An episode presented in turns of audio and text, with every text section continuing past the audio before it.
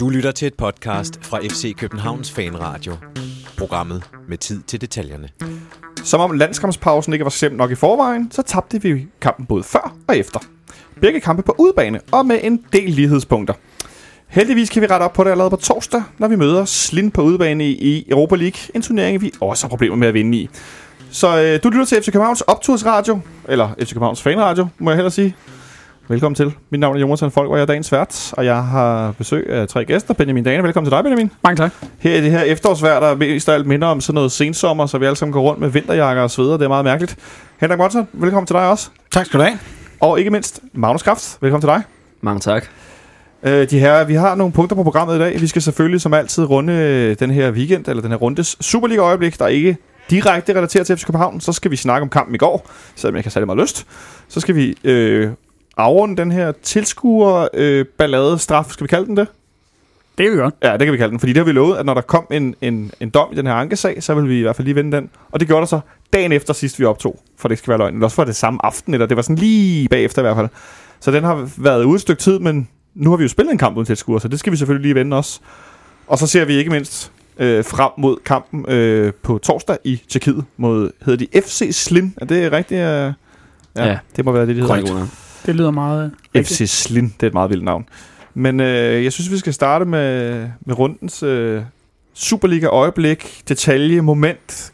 Vi kan kalde det hvad som helst. Øh, Benjamin, øh, hvad, har du, øh, hvad har du lagt mærke til den her weekend? Jamen normalt så, øh, så plejer vi jo at, at, at kigge efter øh, kampe, som, øh, som, som ikke er, er vores egne, altså et Superliga-øjeblik, som ikke relaterer til, til den kamp, vi selv var involveret i. Vi skal gøre en undtagelse. Ja, det skal vi, fordi Okay. okay. jeg, jeg så en, øh, en video, der blev uploadet på øh, Odense Boldklubs øh, Facebook-side. Ja. Øhm, de har fået øh, dekoreret deres øh, spillertunneler. Øh, Ja.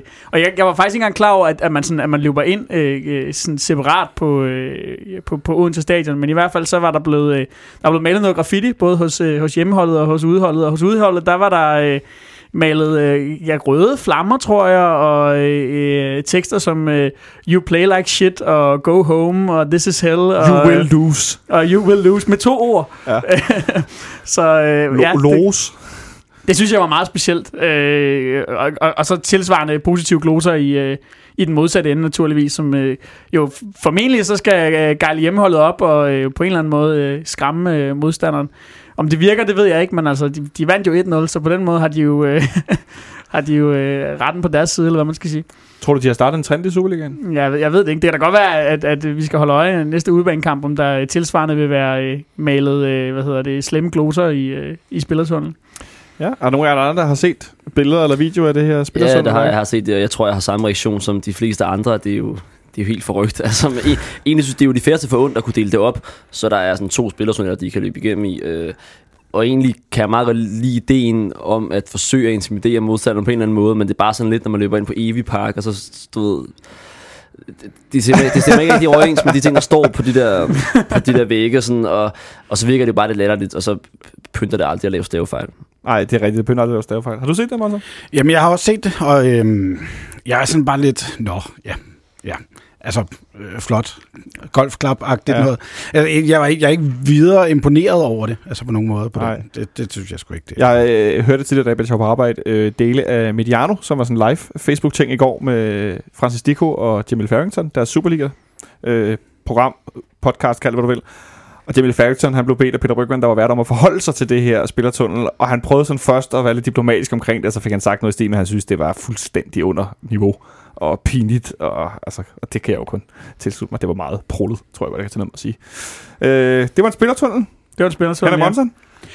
Jamen, øh, jeg, mit, jamen, jeg- den bliver i, som altid noget, øh, noget negativt, ikke? øhm, og den her runde vil jeg faktisk gerne have lov til at være lidt efter dommerne, fordi jeg synes, der har været nogle mærkværdige kendelser. Øh, den ene, det Ja. er vores gamle ven, øh, Basken øh, Kadris øh, øh, røde kort, han får for at sparke bolden væk. Altså, hvis, hvis Gul kort nummer to. Gul kort nummer to for at sparke bolden væk. Skulle den have været gennemført i samtlige kampe, så tror jeg, der havde været gul kort til øh, noget i nærhed af 75 procent af alle frispark i, i, i, hele, i hele runden. Så Ja, og to eller tre andre spillere i samme kamp. Ja, lige præcis. Ikke? Altså, jeg, der, var, der var intet niveau over den øh, dommerpræstation. Jeg kan ikke huske, hvem det var, der var dommer derovre. Men Det var også Sadi Putros, tror jeg, var det ikke? Jo, det var det nemlig lige præcis. Øh, og det, jeg, jeg, jeg synes, det er himmelråbende, at man kan, man kan, man kan give gul kort for den der. Hvis nu der var andre situationer, der er den ude på Brøndby Stadion også, hvor at, at øh, Rytter, han, er, han kommer med benet strakt direkte ind på en, en, en takning også, som jeg synes, han skal... Jeg tror, det var dig, der, øh, øh, øh, Jonathan, der skrev på Twitter, at det var det tætteste... Det var et Gul- mørke, mørkeste- mørke, mørke- mørke gult kort. Jamen, Det var, ikke, det var ikke rykker. Det var Vilcek, ikke? Det var Vilcek. Var det Vilcek, der Ja, kom? som taklede op på lovet med strækt ben. Ja, og det, det, jeg synes bare, standarden af dommerne i, øh, i de to kampe, det var, det var forrygt. Det var, det var lidt øh, underligt. Nu øh, nævnte du, det var Sandro, Sand, Sandro Putros. Sandy Putros. Sandy Putros, som jo er en øh, ny Superliga-dommer. Han har Ja. ja, været fjerde dommer blandt andet øh, mod øh, en kamp, vi spiller op i Randers, på et tidspunkt, hvor han dømt ret godt ude for mellem øh, Meget godt husket. spillerboksen. Ja. Ja. Det var fordi, der var en situation, hvor det var ham, der, kunne, der dømte, der hjalp øh, hoveddommeren med at se noget nede i den ene ende, øh, og sgu det, ikke hvor, hvor det viste sig at være rigtigt. Altså på virkelig lang afstand. Øh, men jeg, jeg så, så han er meget øh, langsynet, men ikke nærsynet. Altså, jeg ved, han er dommersyn, som man siger. øh, jeg lader mærke til, at øh, Randers' nye træner øh, var meget utilfreds med, med, med dommerne efter den kamp. Hvad hedder han? Monitz? Øh, Moniz. Moniz, ja. Ricardo Moniz, ja, han Ja, var, ja. han var helt oppe i det røde felt. Jeg, jeg, altså, jeg kan også godt forstå, at han er, han er utilfreds. Man kan, man kan diskutere den, som, som Asen får på, på Marcondes, ikke? Øh, at, at det der knæ, der, ligesom, der kommer i ryggen, at det er bevidst eller ej. Altså, jeg, jeg, jeg synes måske godt, han kunne have været slået med gul, så jeg skal være helt ærlig. Men jeg, jeg kan godt forstå, at han er lidt utilfreds efter den kamp. Lige den der, hvis jeg lige skal nævne det, synes jeg faktisk er et kæmpe stort rødt kort. Og selvfølgelig ved at, ved at bemærke, at Marcondes igen igen har fået en så tilpas meget op i det røde felt, at han skal hæve sig. Og så, ja altså. I det røde felt, bogstaveligt talt. Ja. Øh, men jeg tænkte, det var sjovt, at der kom en ny udenlandstræner til Superligaen, og efter den første kamp, så har han jo rødkluden over dommerstandarden. Altså, så kunne det være, at det ikke var os, der var helt øh, galt på den. Det kommer han til at være mange gange. Jeg skulle sige, lige Mm. præcis, det er nok Jeg ikke sidste gang. til Magnus, hvad har du på bloggen? Øhm, det er ikke så meget egentlig en, en konkret ting som sådan. Det, jeg har valgt at tale lidt om, om FC Midtjylland, som de slog så Sønderjyske 1-0 i Haderslev i, i fredags her var det. Ja. Ja, det var ikke fordi, det var sæsonens mest overbevisende sejr. De, de Ej, vinder kun 1-0, og Anders Eholm er ved at score på et saksespark og sådan noget. Så har man, så har man set det med. Øhm, men, men min pointe er egentlig bare, at der sker nogle ting omkring FC Midtjylland, som både øh, sådan overrasker mig og bekymrer mig en lille smule. Hvad, hvad gør det mest? Overrasker eller bekymrer dig? At det bekymrer mig mest. altså, men, men det overrasker mig også rimelig meget egentlig. Altså, fordi da de øh, røg ud af Europa, så tænkte man, okay, nu, altså, der, der, kunne- der synes jeg, man kunne se konturerne af en, en, en noget lang sæson for FC Midtjylland. Så skulle Jes to måske fyres, der skulle måske sælges nogle profiler, og alt handlede stadig om fandt fart på det tidspunkt og sådan nogle ting der. Øhm, men de har så fået vendt det øh, nu her, øh, efter de tabte, navnlig efter de tabte 4-3 herinde. De fire kampe, de har spillet siden, har de vundet, og det lyder måske ikke sådan specielt meget, men i en meget ujævn Superliga, der er det, der er det egentlig meget godt gået, og de har skiftet formation til en 3-4-3, og det, der er bare rigtig mange ting i det der, som fungerer for dem. Altså, man kan sige Philip Novak, der kommer ned og spiller midterforsvar, og det, det ligner måske øh, sæsonen sådan... Altså, det, det, det, det er ret godt set, fordi han har... Han, egentlig så tænker man, han har jo nogle primært offensive øh, forcer, som man måske skulle bruge dernede, men, men han har så turen, og han har det sådan overblikket til at spille den der position ret godt. Han spiller Øh, den venstre af de tre, ikke? Ja, lige præcis. Ja. Og de har måske øh, Superligaens bedste bakpar med Magdal Hente og Rasmus Nielsen lige nu, ikke? Øhm, og så formår de jo at spille med både Monuacho og Alexander Sørlot, som så ligner sæsonens indkøb, ikke? I samme, øh, altså i startopstillingen. Og det, det minder lidt om det, vi havde her sidste år med, altså der mangler ikke kunne spille med både Cornelius og Santander, men det kunne man så godt, og det, det gør jo bare noget at skulle møde sådan to store drenge der for et forsvar. Og så er Midtjylland også gået fra at have store problemer på udebane. At de havde en lang, lang række Ja. kampe, hvor de lukkede ja, hvad var det, to mål ind øh, i mange, mange udebanekampe i træk, og så er de gået til faktisk at begynde at vinde på udebane ja. og luk, hold, holde nettet rent. Og ja, nu siger du, du er mest, øh, mest bekymret. Du er også mest bekymret, eller er du mest overrasket over det, Benjamin? Ej, jeg er klart mest bekymret. Øhm, jeg er stadigvæk ikke øh, voldsomt imponeret af deres defensiv, må jeg sige. Øh, men til gengæld så er deres offensiv bare så god, at øh, øh, selv hvis de så skulle fortsætte med at lukke et eller to mål ind på, på udebane, så er det lige før, at, at jeg tror, at de vil, vil vinde en stor del af kampen alligevel, fordi de, de, har, altså, de har Superligaens bedste angrebspar, øh, og øh, øh, hvad kan man sige, bagved og rundt om dem, jamen der har de bare øh, altså, kvalitetsspiller øh, i, i, i det offensive, så, øh, så jeg tror, at de kan vinde mange kampe på simpelthen for nu at bruge en kliché på, at, at, at lave et mål mere end modstanderen, også selvom at, at det så ikke altid ser, mm. ser helt uh, solidt ud nede bagved, blandt andet omkring Korksmar, som jeg, som jeg stadigvæk ikke er vildt imponeret af. Jeg, jeg, jeg har også hele tiden egentlig tænkt, at de ikke vil blive en del af mesterskabskampen, fordi der er de der øh, spørgsmålstegn omkring det, men det er de jo bare nu. Øh, og jeg tænker, at de der hype cube-typer må sidde og knide sig i hænderne øh, over udsigten til det der mesterskabsslutspil, for det bliver jo spændende. Nu er der også fire hold, som, øh, som kan vinde det her guld, sådan, som jeg ser det. Det er jeg ikke helt uenig i. Øh, så, øh, en, så tog vi lidt hul på øh, snakken omkring, at vi ikke selv øh, ligger det op, hvor vi godt vil, og andre ser rigtig gode ud. Mm. Øh, og så er det vel også, det er vel interessant, som du er inde på, det der med, at de har kopieret lidt det med at spille med to store angreb, eller kopieret, men at det ligner det, vi spillede med sidste år. Det er jo ikke, fordi vi de første ja, gang nogensinde... Ja, eller, eller det lykkes for dem. Det er, en, det er ja. en ret svær øvelse, tror jeg. Altså, hun er sådan, være helt inde i det tekniske omkring det, så tror jeg, at det, altså, det var ikke det, der var lagt op til, da man købte Sørler. Det var måske så skulle nogle ret sælges og sådan nogle ting der, men, men det fungerer rigtig godt for dem at spille med begge to. Ja, jeg kan meget kort nævne, mit øh, Superliga-øjeblik på den her runde, det er Paul Kirkevolds rekord, som var den første spiller i Superligaen, der scorede ni kampe i træk. Altså Paul Kirkevold, som sidste år så sådan lidt fedladende ud. Han lignede sådan lidt Martin Retor fra Norge. Øh, angriber, som var sådan lidt... Jo, man kan godt se, at han havde spark i støvlerne, men altså ikke... Altså, det så sgu ikke imponerende ud, hvordan han var deroppe i Hobro, hvor han, blev, han har været lejet ud flere omgange rundt og sådan noget. Aldrig rigtigt. Og lige pludselig, ud af det blå, så skulle han bare mål og han bliver ved med at score mål. Øh, hvad, altså, tror du, det er, vi sådan ude i sådan en one-hit wonder, Benjamin, eller tror du, at han kan holde niveauet? Jamen, jeg synes, han gør mere end bare at score mål. Altså, ja, jeg synes også, synes at, jeg, jeg synes også, altså, jeg synes også spilmæssigt, at han er fremragende for dem. Altså, øh, det, og jeg tror måske i virkeligheden mest det, det, der overrasker mig. En ting er, at, at, at jamen, sådan en angriber som ham kan ramme en stime og have, have mål i støvlerne. Nu er den meget lang, det er imponerende, men man kan sige, det, det, det tror jeg, der er mange angriber, der kan komme ind i en periode, hvor at, at de, de står det rigtige sted, og øh, at bolden går øh, stolpe ind i stedet for stolpe ud. Men det er mere det der med, at hvis man sådan kigger på hans præstationer all round, så, så er jeg imponeret af det, han, han leverer. Han laver også øh, mange forskellige slags mål. Det synes jeg også er en, en, en kvalitet, så, så jeg tror ikke, han er et jeg, tror ikke, han er øh, one-hit wonder nødvendigvis, men, men øh, spørgsmålet er selvfølgelig, han ryger jo nok videre, hvis han fortsætter den her sæson, om han, øh, om han kan løfte op på et, på, et lidt, på et lidt højere niveau også. Og straks, som altid, når der angriber, der gode i Superligaen, så ser jeg folk på øh, Facebook, Twitter, sidelinjen andre steder, der skriver, ja. køb ham, køb ham. Ej, jeg, jeg får Kunne vi nogensinde se Paul Kirkevold i København? Nej, jeg har sådan lidt uh, Thomas Dahlgaard vibes, når jeg tænker på den. Det, det, jeg sidder og tænker fuldstændig det samme. Ja, øh, nej, aldrig. For, for nu at svare kort på det. Det kan godt være, at han ender i OB og scorer fire mål næste sæson, men det, øh, det, det er måske en mulighed. Men men nej, han er, han er ikke god nok, men det er rent nok, hvad Benjamin siger, han har været helt vildt god, og det mål, han scorer i, er det i går, det er det vel, det er, er jo rigtig godt. Altså, han, han, han vinder jo på, på Bubakar Sané, som kan... Som er en som meget kan, stærk spiller. Som er stærkere, som kan løbe de fleste op. Øhm, så han er jo, men han er jo på det, på det rette sted, på det rette tidspunkt endnu, og det kører for ham, men han skal ikke til FCK, det er der ikke nogen tvivl om. Og måske faktisk det bedste af de mål, han har lavet, de ni træk. Ja, det er det godt, det der. Øh, I går for en meget spids vinkel, hvor han simpelthen smasker op i det taget. Øh, det, var, øh, det kan jeg godt anbefale at finde, hvis ikke man har set højdepunkter. Jamen, han gjorde det, som, øh, hvis vi lige skal tage hul på vores kamp, som Carlo Holzer måske skulle have gjort, ikke? Op i nettaget? Ja. Ja, så kan det gå nogle gange. Og on that note, så lad os øh, gå over til den her øh, herlige forestilling i går. Jeg kan godt afsløre, at min blog den er tom, fordi jeg kommer bare til at starte med at sige, øh, Benjamin, øh, noget du har sat dig ned, før vi var bagud? Nej, men jeg var faktisk ude i, i køkkenet, øhm, og, og, og stod og hakke nogle grøntsager og skulle lave noget aftensmad. Og, og så, så kunne du høre tv'et?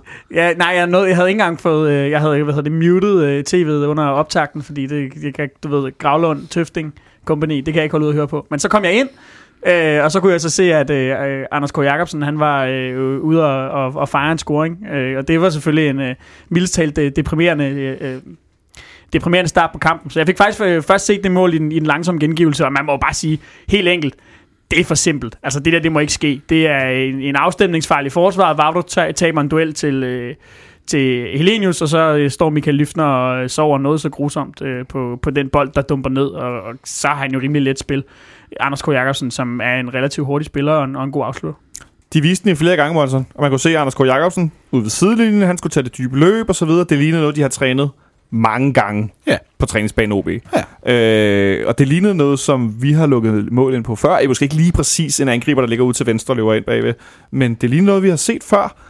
Øh, specielt altså det der med, som Benjamin er inde på, med, med Lyftner, der står og sover lidt, og Vavro, der går op i duellen. Øh, den der bliver spillet hen over hovedet. Det var ved at koste mål i Randers tidligere på sæsonen, gjorde det så ikke, fordi Marvin Poiré, han sparkede virkelig dårligt til bolden. Øh, er det i virkeligheden et spørgsmål om de to spiller sammen der, eller får vi ikke trænet, eller hvad, hvad tror du, det handler om? Jamen, i den pågældende situation, der er det simpelthen bare, øh, ja, vi står snorks over. øh, og det er så en ting at tabe den hovedstødsduel til Helenius. Det er fint nok. Han er trods alt en hovedstødstærk spiller, men øh, det var jo også. Men, men Løfner står og snorks over. Enten så skal han træde skridt frem og trække AK offside, eller også så skal han øh, bakke på den der, da han ser, at hvad- vores situation er ved at udvikle sig til. Og, og der, det er flade fødder, står og over. Men jeg synes, øh, en ting er, at, at vi sådan kan kigge på, på den isolerede situation. Øhm, det synes jeg ikke måske nødvendigvis, at man kan, kan udlede en tendens af. Altså det, det, jeg, jeg synes ikke, at jeg har bemærket, at vi har, har lukket specielt mange af den type mål ind. Men jeg synes, det der er mere bekymrende er, at vi nu tre kampe i træk ser ud til ikke at have været øh, på, på banen fra start nærmest. Altså, vi kan også tage 4-0-sejren i, i Silkeborg herinde. Der kunne vi også have været bagud 2-0 Nå, den efter 10 troede jeg faktisk var en af de tre, du tænkte på. Jamen, jamen, det var det også. Altså, det er den, det er den, det er den første Okay. okay. af dem, ikke? Og så har vi øh, Lyngby-kampen, hvor vi heller ikke kommer ordentligt ud. Og igen her, jamen, så, så står vi og, og er bagud efter relativt kort tid. Det, vi er simpelthen bare ikke klar fra start. Men Du kan jo lægge Hobro-kampen oven i den der også. Altså, der har vi jo også herinde, hvor de har været øh, to skud, stolpeskud inden for de første fem minutter, ikke? hvor vi heller ikke er klar fra start. Er det ikke Silkeborg?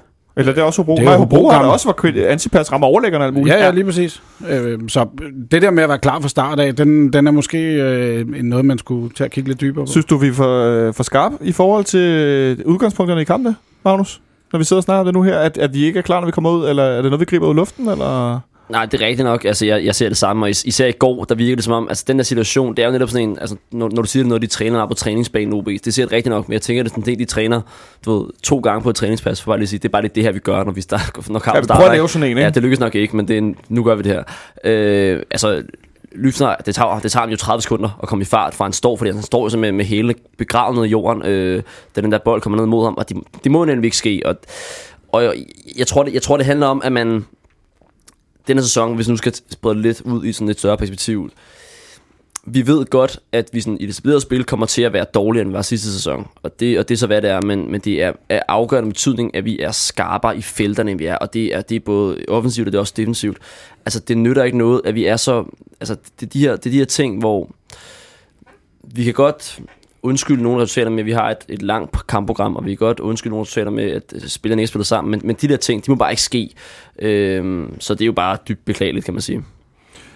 Jeg sad lidt og tænker, øh, at nu, nu er jeg lidt ind på øh, etableret spil og ikke etableret spil, at for mig der er det lidt et spørgsmål om, at øh, vi sidste år var godt sammenspillet, så når holdene stod dybt, så var vi gode til at lukke dem op, fordi at vi vidste godt, eller spillerne vidste, hvad de skulle gøre.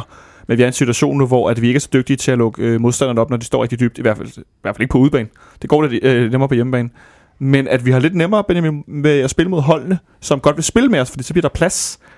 Og i går igen, som øh, også mod Lønby, der spiller vi rigtig meget foran øh, forsvaret og midtbanen. Så, så vi spiller bolden rundt, og vi presser dem tilbage. Og det ligner sådan noget håndbold, hvor man ikke bryder igennem. Øh, kunne en af problemerne lige nu være, at, øh, at vi er for stillestående? Øh, der er for få dybdeløb, eller løb, løb sådan imellem kæderne? Eller, altså, for jeg sad sådan lidt i går og tænkte, at der er for mange spillere, der måske ligner hinanden lidt. Ja, det, det, jeg ved ikke, om, om, om, jeg synes, at, at der er en tendens i den retning. Altså, jeg synes faktisk, at vi samler os okay op efter, efter scoringen og får, får sat et, rimelig godt pres på. Og man kan også sige, at en ting er, at, at øh, nogle af de hold, som, som har mødt os lidt længere op på banen, lad os tage øh, Brøndby FC Nordsjælland, dem har vi så, øh, hvad hedder det, der er vi så blevet kørt godt og grundigt rundt. Så jeg er ikke sikker på, at der nødvendigvis er en, en, en tendens i den retning. Øhm, jeg synes, efter det her mål, der får vi, sådan, der, der får vi samlet os godt sammen, som jeg siger. Jeg synes, vi får, får lagt et godt pres på det næste sådan kvarter, 20 minutter. Øh, og, og får også skabt nogle farlige situationer, men, men, men det jeg vil, måske vil give dig ret i, det er, at de der helt sådan store, åbne chancer, hvor man siger, øh, den der skal bare ind, en 100% chance for at bruge et, et populært udtryk, dem får vi ikke skabt så mange af, og det er sådan set hele kampen igennem, øh, en, en to-tre stykker, men, men heller ikke mere. Øh, så får vi lavet en, en, en masse andre gode tilbud, og, og ting, der kunne have været blevet til kæmpe store chancer, men, men de der helt sådan, direktørerne, øh, dem, dem får vi ikke skabt så mange af, fordi vi ikke for alvor får spillet os igennem. Det er jo generelt det, som Ståler også siger, det er den sidste aflevering, der mangler hele tiden, og fordi netop, som jeg sagde før, i det etablerede spil, der er vi jo bedre end OB i går. Det kommer til at præge kampbilledet meget. OB så kommer foran så tidligt, det samme i Lyngby, selvom det var senere, så vi, vi bruger rigtig meget kamp på at være bagud, og så, så får man bare de der kampbilleder, hvor at modstanderne står dybt tilbage, og vi presser frem. Men, men, men selv i de situationer, der er vi bare dårlige til at få skabt chancer, og det, når vi ikke får scoret, og ikke åh, scoret så gudsjammerligt lidt på udebanen denne sæson, så, så er det jo også bare et udtryk for, at vi, når vi så får chancen, så scorer vi ikke. Altså Peter har en kæmpe stor en i går, ikke? Øh, Carlo Holte har også en, en semi-stor en. Øhm, men, men generelt så er det den sidste aflevering, for vi skaber for få store chancer, det er med Benjamin. Men vi ved jo godt, at modstanderne vil stå dybt mod os, både herinde og på udebane. Det er jo ikke, fordi det er nogen overraskelse. Det er jo ikke, fordi mm. det er noget, der kommer bag på os. Det har de jo gjort i hvad?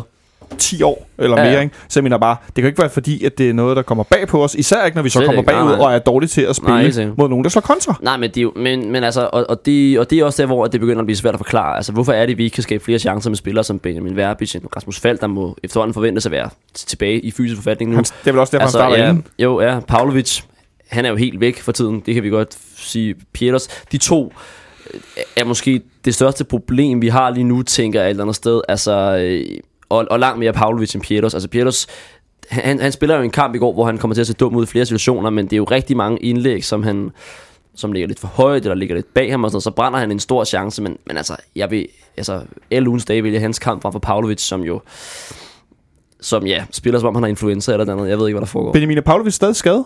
Ja, det ved jeg ikke. Han er i hvert fald... Øh, Han ligner en, der er skadet. Han er ikke helt klar op i hovedet i hvert fald, ser det ud til, fordi han, han, øh, altså, han, han er jo slet ikke med i kampen. Altså, øh, Igen. Du kan jo, du, du, det er jo bare...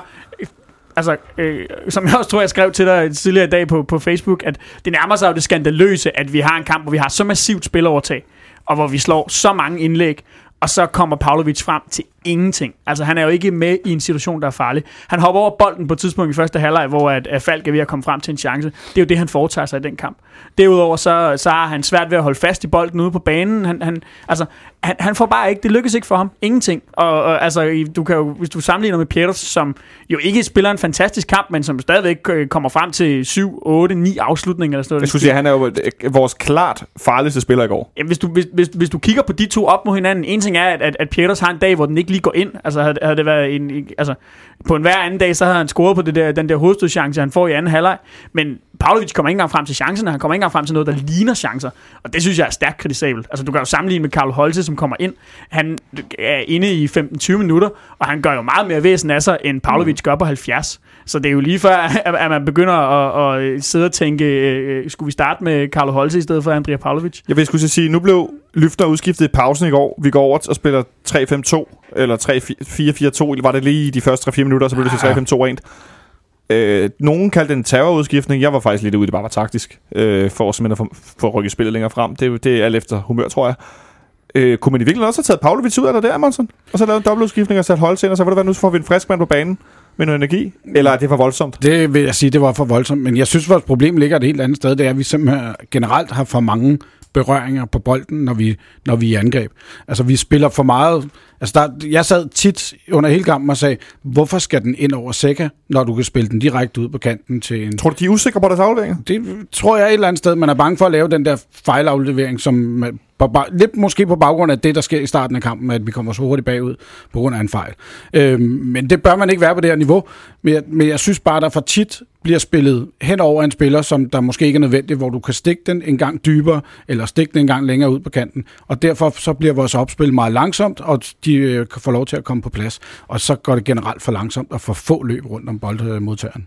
fordi jeg vender tilbage til Pavlovic, jeg synes jo, han skulle have været ude tidligere, fordi når Ståle allerede har forsøgt at lave samme finte mod Lyngby, spille ham, selvom man godt vidste, at han ikke var helt klar osv., der så vi jo fuldstændig samme mønster, hvor han slet ikke kommer andet noget som helst. Hvorfor ikke så bare tage ham ud efter en halvleg, når man kan se, at han er der jo ikke i dag? Og det blev jo ikke bedre anden halvleg.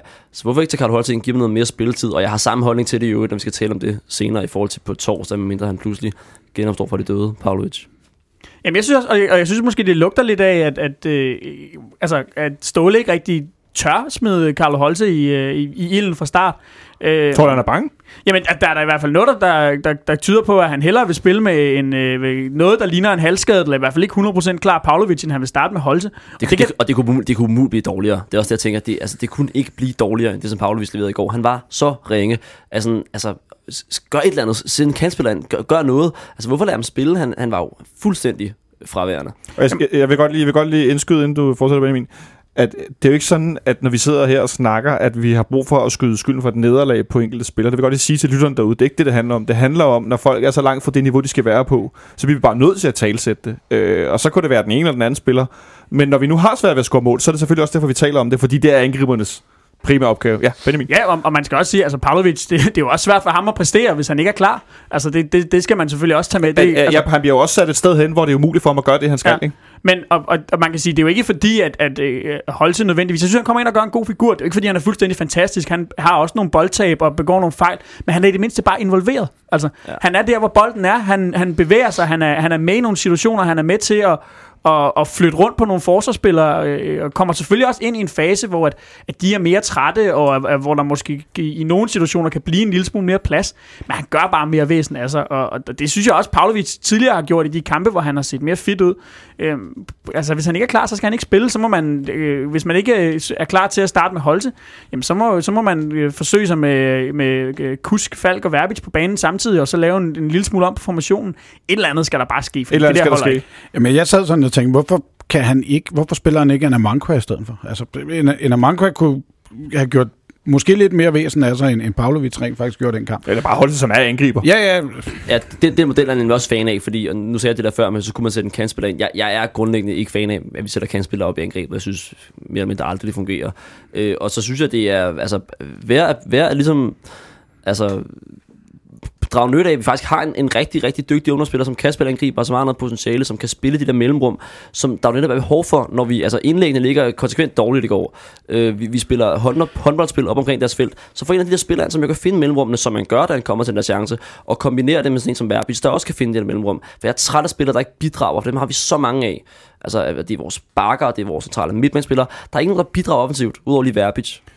Ja, ja, inden du øh, går videre, Benjamin, jeg, nu nævner Magnus øh, vores øh, bakspiller, hvor jeg... Jeg, jeg, kom til, at- jeg kom til at grine højt i går, da Peter Gravlund, den forfærdelige medkommentator, kom til at sige meget, meget øh, velovervejet, for han, det var, han talte langsomt i der, at Peter Ankersen jo er klart ikke. en af, en af de bedste højrebacks, måske ikke lang, den langt bedste i, i ligaen, hvor jeg bare, og han var jo tilbage på sit niveau og alt muligt, hvor jeg tænkte, det er simpelthen forkert. Ja, ikke i sin nuværende form. Han laver simpelthen nærmest ikke nogen indlæg. Han kommer stort set ikke til nogen afslutninger, og han er næsten ikke offensiv. Hvor jeg tænkte, det kan da ikke være rigtigt, at han sidder og mener, at han er den bedste højreback i ligaen lige nu. Det er, altså, det, det, det er decideret forkert. Og det er jo ikke bare noget, jeg trækker ud af, af en hat, eller ærmet, eller et andet sted. Altså, jeg mener, fordi som Magnus, at vi, vores backs kommer jo ikke ned af Bøjlesen. Det ved vi godt lige nu. Han er ikke en, en bak, der går særlig meget med. Det er Pierre Bengtsson, der skal spille, når vi skal det.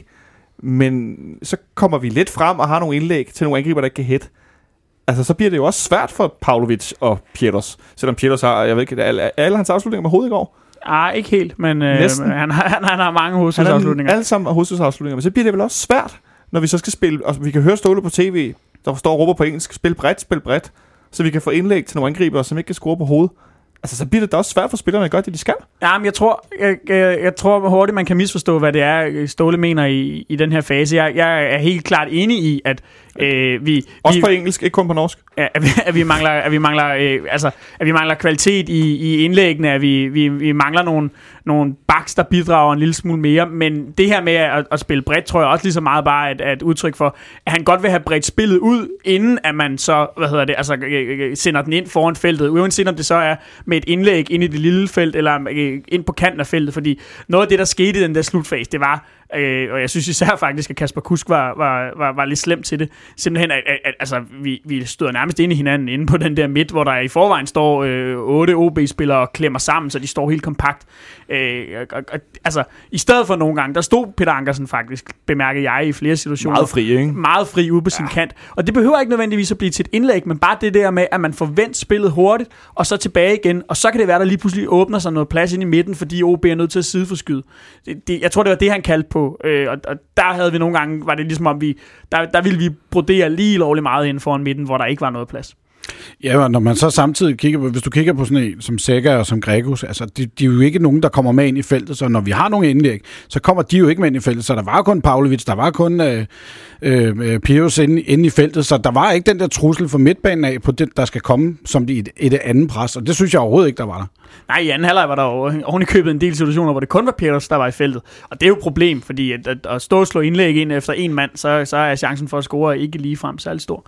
Øhm, Men så er vi tilbage til det, jeg mener med, at mange af spiltyperne måske er lidt for ens. Når der simpelthen er for få folk, der kommer i feltet, når der er for få, der tager det der løb, der er for få, der bevæger sig uden for, hvad skal man sige, deres position, fordi de måske i virkeligheden er for låst i det. Øh, Du, du skrev til mig under, under kampen i går, Benjamin, at Verbitz han havde en rigtig dårlig kamp i går. Han har set rigtig god ud i den sidste periode.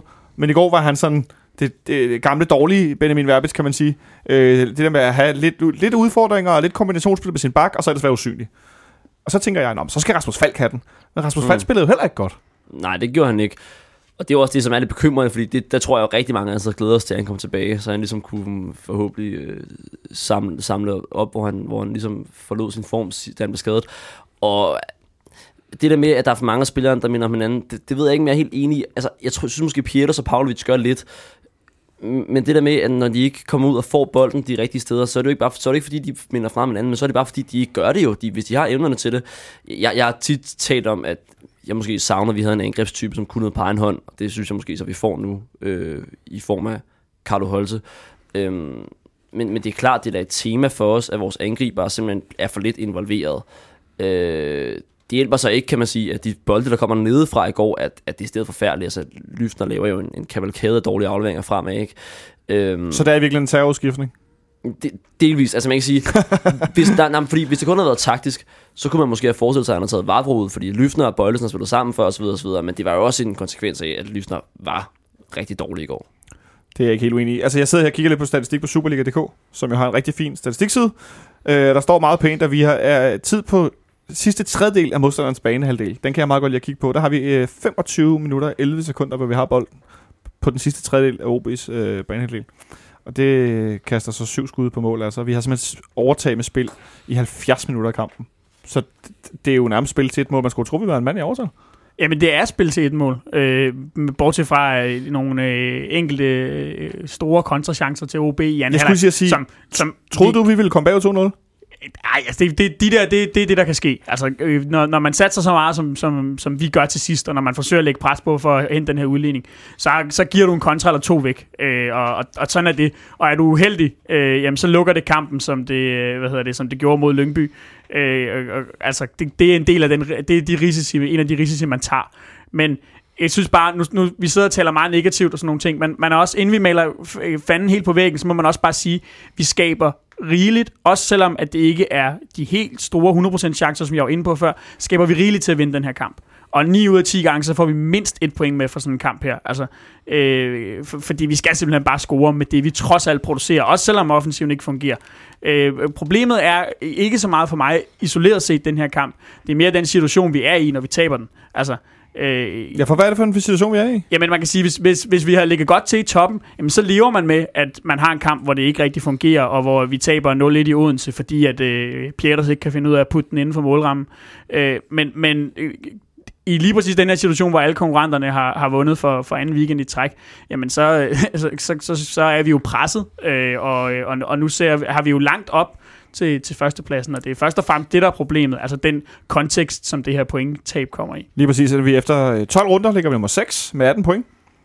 Øh, FC Nordsjælland fører ligaen med 26 point. Midtjylland har 25, Brøndby har 24, så ligger Horsens og Hobro imellem. Det er lidt af et hul, jeg har set øh, være længere hen i sæsonen blive vendt, men øh, jeg må indrømme, jeg, jeg skrev stadig på min Twitter i går, at, at jeg har det sådan lidt, nu mesterskabet åbent. Hvis vi havde vundet i går, så havde vi stadig haft lige lidt hul, men, men jeg har det sådan lidt også fordi, at udtrykket i holdet er så svingende og ikke godt, især offensivt. Så jeg har det sådan lidt, nu, nu er det op for grabs. Problemet er jo især, at der er så, at der er så mange konkurrenter. Altså hvis det kun var Nordsjælland, vi skulle lige konkurrere med, så kunne vi sige, okay, de mister mig contest til januar og sådan noget. Det kan være, de, det kan være, de falder sammen. Det kan også være, at Brøndby gør det. Det kan også være, at Midtjylland gør det. Men, men sandsynligheden for, at der er et af de tre hold, som bare rammer en, en gennemgående god sæson, er jo bare større, når der er flere af dem. Og god stime, ikke? Jo, men det der med, at der er ikke nogen hold, der falder sammen, og det, det er det, jeg frygter for. Det, det kan i mine øjne være alle tre hold. Så, så, så vi skal op og, altså, vi skal op og lave et decideret højt pointsnit i den resterende sæson for at vinde mesterskabet, tror jeg. Og det er det, jeg er lidt bekymret for. Det man skal tage med er jo, inden man... At det er jo, er det at, positivt? At, Ja, det er jo, at, at vi så har... Så tager vi en positiv rundt. Det, det er jo, at vi har, vi har jo trods alt øh, tre kampe tilbage. Man må formode, at vi øh, holder os i top 6 og går med i det her slutspil. Øh, 7-9-13. Men altså, vi har tre indbyrdes kampe mod alle de her øh, modstandere. Så det vil sige, at man kan stadig nå hente meget på grund af det her slutspil. Men, øh, så det er egentlig, og, og jeg synes stadigvæk, at når vi præsterer, så har vi det højeste topniveau i Superligaen. Så jeg, jeg er ikke så bekymret for den del. Det, jeg er mere bekymret for, det er sådan set de resterende kampe. Altså, hvor mange point vi kommer til at smide der. Fordi når vi spiller godt, jamen så, så er vi stadig gode. Så kører det. Det har vi set i, i, i de her kamp, tre kampe i træk, hvor vi lavede fire mål. Jo, det er det, men vi var også, altså vi spillede også en fin kamp i Helsingør og sådan nogle ting. Det, altså, min pointe er, at, at topniveauet, det er stadig rigtig, rigtig fint. Problemet er, at det, vi, altså, det vi ikke har fået løftet, det er bundniveauet. Og det er det, der gør, at der kommer kampe som Lyngby, og der kommer kampe som i går. Vi får simpelthen ikke... Altså, og, og hvor, hvor mange af de her pointtag kan vi tillade os at lave? Fordi på et tidspunkt, så, så er vi jo så langt bagud, så vi ikke kan hente dem ved at, at, at skulle vinde øh, de her... Øh, øh, ni kampe, som det så bliver mod, øh, mod, mod de tre øh, modstandere, som, som ligger over, og som vi skal jagte. Det var en positiv ting, Henrik Monsen. En positiv ting Jamen det var den, jeg også ville have taget. Det var, at vi, jo, vi har jo stadigvæk, øh, trods alt, at vi skal møde, øh, vi skal stadig spille mod Brøndby, vi skal stadig møde Midtjylland og Nordsjælland, og, og Hobro tror jeg ikke, de holder ikke i længden. Øh, spørgsmålet er kun, om hvor længe at de andre kan holde deres øh, stime og hvor stabile de kan være. Øh, og så er det jo øh, ekstremt vigtigt, at vi får nogle af de der vendt, de, nogle af de der dårlige resultater til noget positivt i stedet for. Øh, og så bliver jeg nødt til at smide noget, noget negativt ind. Nej, det var en positiv runde. Ja, men prøv at OB er også på vej, så, så vi har altså også nogen, der ligger i den anden ende og presser os, så vi bliver også nødt til at kigge nedad. Så lige i øjeblikket bliver vi nødt til at kigge både opad og nedad. Og jeg, jeg tror ikke så meget på OB længden, kan jeg godt tilstå. De, øh, de er på vej ind, til de ikke er længere. Magnus, en positiv ting? Øh, så bliver det sgu lidt mere sådan en, en undskyldning eller en forklaring på, hvorfor det er, vi måske også har lidt svært i går. Altså, vi, vi, er, vi er sgu presset på, på truppens bredde og på, hvor meget der bliver slidt på spillerne. Nu er der måske mange, der siger, ah, at der har været landsholdspause noget der. Ja, men hvis man ser på startopstillingen i går, så er der fem spillere, der har spillet to gange 90 minutter for deres landshold i landsholdspausen. Der er de to, der har spillet en gang 90 minutter. Og det er jo ikke bare sådan lige at skulle spille for sit landshold. De har været ude i alle mulige afkroger i Europa og spille og sådan noget. Så, så, og nu kommer der en kamp på torsdag i Tjekkiet, så kommer der en, en, og det er også det, som så bliver problemet, der i forhold til den europæiske kampagne, vi havde sidste år, så nu er alle kampe i Superligaen bare rigtig, rigtig vigtige, hvor vi kunne prioritere jo Europa øh, sidste år, så tror jeg, at vi næsten må lave en, en lidt omvendt prioritering i år, for at få det hele til at hænge sammen. Det er der vist ingen tvivl om, at vi gør. Øh, hvad siger du, Benjamin? Bare en enkelt øh, sidste note til, til, til den positive runde, som du, du kalder den. Det ja. er jo, at altså, det synes jeg også lidt, der har været en tendens til, Magnus var inde på før, at det her det er en ekstremt jævnbyrdig Superliga, vi har i år. Da, da der var spillet fire runder, der var alle overbevist om, at, at Brøndby ville blive mestre. Da der, var spillet, da der var spillet otte runder, der øh, troede folk, at FC Nordsjælland øh, blev øh, mestre runden, eller to runder senere. Jamen, så troede de, at det var os, fordi vi satte tre kampe sammen, og, og, og nu øh, ligner det måske Midtjylland. Altså, det er også det her med, kan, kan de her tre modstandere over os, øh, som, som vi skal ligge og jagte, kan de blive ved? Kan de sætte 10 kampe sammen i streg, hvor at, øh, de vinder stort set dem alle sammen? Det kan man godt stadigvæk stille sig tvivl over for. Så man skal, inden man går i total panik nok, også øh, øh, altså, lige tænke, jamen de andre hold er også ustabile. Altså, det er ikke ret mange runder siden, som øh, Magnus også var inde på, da vi talte Superliga-øjeblik, at øh, i Midtjylland, der gik de og snakkede om Van der Fart, og skal Torup fyres, og falder det hele sammen, og fire kampe senere, jamen så, så er, er de helt op at flyve. Altså, det, de andre kommer også til at smide point. Og, men hvis vi, vores problem er bare, at vi lidt har ryggen mod muren. Altså, vi kan ikke tillade os at gøre det ret meget mere. Og det positive er jo, altså, kan man holde den nede til en 4-6 point, øh, inden slutspillet går i gang, så ved vi alle sammen godt, så skal vi jo møde dem to gange, en gang mere. Altså, så, så der er jo muligt at hente de der point. Så det er jo ikke fordi, at man, man står, når, når øh, grundspillet er slut, og vi ligger 6 point efter øh, eventuelt nummer 1, så er det jo ikke fordi, det er helt slut. Altså, der er jo stadigvæk slutspil at spille. Det er der i hvert fald. Vi spurgte vores øh, lytter, om de havde en positiv ting at sige, og der kom lidt forskellige øh, bud ind. Øh, Niels Kristoffersen skriver, en kamp tættere på, Santander kommer tilbage. Øh, og Lars Engelbrecht skriver, at det var let nok, han så ikke kampen. Det var en positiv ting. Øh, der er flere, der skriver om, at øh, samspillet mellem fløj og bak fungerer bedre end længe. Så er problemet, at vi ikke bliver farlige på indlæggene. Det har vi været lidt inde på, skriver, det skriver Kasper Henriksen. Så er der flere, der roser Carlo Holse, som en, der ser godt ud øh, på banen. Og han ser sikkert også bare godt ud. Thomas Fund, der skriver, at vores fans blev sparet for en ydmygelse på stadion. Det var øh, meget smart i går. Ingen, ingen ballade? Ingen ballade, nej. Øh, Rasmus MP skriver, at vi skabte øh, chancer og presset med bund, og fløjspillet fungerer han også ind på Carlo Holse. Øh, vi forsøgte til sidst, og så er der ingen ballade i udbaneafsnittet, skriver Nikolaj Albrechtsen. Det er også meget fint. Kenneth Hansen skriver, at Holse tog ansvar var mere synlig i sine få minutter, end Pavlovic var i alle sine. Det var I jo fuldstændig enige i. Harry Ball, som han så flot hedder, skriver ingen skader. Det er der en del mennesker, der er enige i. Det var meget positivt. Det er sådan, jeg har det efter landskampspausen som regel. Og så skriver Martin Kampmann, som jo er god ven af programmet, at den spillertunnel er OB og ikke vores, OB's og ikke vores. Det er i hvert fald også en uh, rimelig... Det har vi også Det er absolut positivt, Det er absolut positivt. Det er jeg i hvert fald også rimelig glad for. Uh, og jo, jeg, jeg så også interview med Ståle, der efter kampen uh, udtalte, at han synes, spillet var rigtig godt, at vi spillede rigtig godt, at vi skabte chancer og så videre. Det tror jeg også, jeg vil have taget lidt fat i som, som træner eller manager efter en kamp, hvor man taber 1-0 på udebane til OB. Det er for øvrigt tredje gang i træk, vi taber 1-0 til OB, når vi taber til dem. Øh, i Odense, hvilket er lidt... Øh, ja, jeg ved ikke, det, det stusser jeg bare lidt over i hvert fald. Det synes jeg er lidt, lidt spøjst, og vi har også en... Sidste gang vi gjorde det, var også sådan en lang bold frem til Anders Kåre Jacobsen, der scorede. Øh, Ja, men jeg, jeg synes også, at man sad lidt og tænkte, øh, har, har jeg set den her kamp det er før? jo et grimt déjà vu, ikke? Øh, det, det, det, altså, det, det er også et, et svært sted at spille, det er det absolut. Det er en svær målmand at spille overfor, vil jeg godt hæfte mig ved. Han er god. Sten Grylebyst, han er sagt med god. Jeg har en anden positiv ting. Nu Ja. var jeg jo så negativ. hvor bliver positiv. Ja, ja, nu var jeg så negativ i øh, sidste udsendelse omkring øh, det her med, at øh, Onsite øh, sidste gang valgte at bruge øh, to tredjedel af deres program. Optags, såkaldte optagsprogram på at fortælle om en, en anden træner og fyret en anden klub. Den her gang, der brugte de så til gengæld samtlige minutter på en optag på en fodboldkamp, som vi skulle se bagefter. Det var thumbs up, det skal det. Jamen, så kan man så vælge værterne efter, hvad man ja, vil. det var Men- det, er. Men De talte faktisk om kampen. positivt, at de rent skridt. faktisk havde noget Ja, fokus på skridt. kampen, og ikke en, øh, to mennesker, der sad og spillede Playstation. Nej, det er rigtigt. Der var, ikke, der var til gengæld var, fik vi fem minutters uh, Stig Tøfting og Joachim Bolsen, der løb rundt. Nej, det var ikke fem minutter, men de løb og spillede fodbold. Skal vi kåre man of the match efter kampen i går? Ja, det kan vi jo godt. Benjamin? Ja, det bliver vi jo nødt til. Øhm, åh, det bliver svært faktisk. Jeg, øh, øh, øh, øh, Godt, så spørger jeg Henrik Monson først, ja, jeg så tror, kan jeg du skal lige have lov tænke til over at det. tænke. Og han sidder også og så helt bare... Magnus Krab, hvem var din man of the match i går? Altså, jeg siger, jeg siger Pieters. Du siger Pieters. Og det er fordi, og det er det, nu er der nok nogen, der sidder og tænker, at det var da en mærkeligt valg, men der er, det er for det første selvfølgelig lidt mangel på bedre, øhm, men han viser nogle af de ting, jeg har savnet for vores angriber, altså nogen, der kommer frem til, til chancer, altså han er involveret, øh, så det skal han have kredit for, og jeg synes, han var vores bedste i går. Ja, Ja, den kan jeg også godt gå med på. Øh, det, det, det er også mit bedste bud. Altså, og det bliver igen for, som, som også som Magnus for, for forsøget. Øh, og som sagt, altså, i, i, i de fleste andre kampe, det er også nogle gange, nogle, nogle dage er, er du heldig, og nogle dage er du uheldig. Og øh, jamen, han har jo et pæ, haft et pænt målsnit faktisk for os i, i Superligaen. I de fleste andre kampe, han øh, ville, eller fleste andre dage, han ville bare gå på banen, jamen, så var, så var en af de der gået ind. Jamen, jeg vil også godt bakke op omkring den der, men øh, jeg vil faktisk også, jeg, jeg vil sige, øh, Olsen, vores målmand, han, havde ikke, øh, han lavede ikke så meget. Han kunne ikke gøre så meget med målet. Og udover det, så var der jo ikke så meget andet at lave. Så øh, den får han, for, øh, fordi resten var ringe. Ja, øh, jeg var også på Pieters, skal jeg godt indrømme. Øh, jeg var da også ærgerlig, at han ikke får scoret, og, men der er lidt med hovedspillet, og lidt med nogle fodafslutninger, der er lidt bedre og så videre, så det tror jeg bare, at vi, øh, at vi, vi napper ham, som kampen spiller. Øh, nu vi var til, sofa-tilskuere, det var noget, vi var, fordi der ikke var nogen øh, tilskuere på stadion. Der var kommet øh, afgørelse i den her ankesag, det ser vi nærmere på lige om et øjeblik. I går var vi alle sofa-fans, da ankesagen øh, efter derbyballaden var blevet afgjort, og vi var blevet hvad skal man sige, øh, øh frakendt udbaneafsnittet i Odense.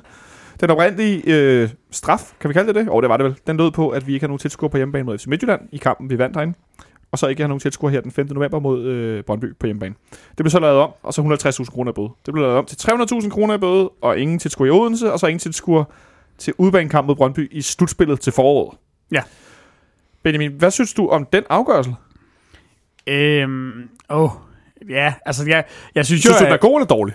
Jamen, Altså, jeg, er du glad for den? Jamen, jeg, er da, jeg, er da, jeg, er da, jeg er da meget glad for den. Jeg, Ja? jeg er meget glad for øh, ikke at skulle undvære øh, tilskuer til et øh, derby på hjemmebane. Øh, fordi det er da en, en, en rimelig klar fordel, man mister der. Øh, vi havde nok overlevet at, at spille en eller anden anden tilfældig Superliga-kamp. Nu er det meget fedt, det ikke lige blev Midtjylland-kampen, men en anden tilfældig Superliga-kamp uden tilskuer, det, det kunne vi godt klare os igennem og stadig vinde.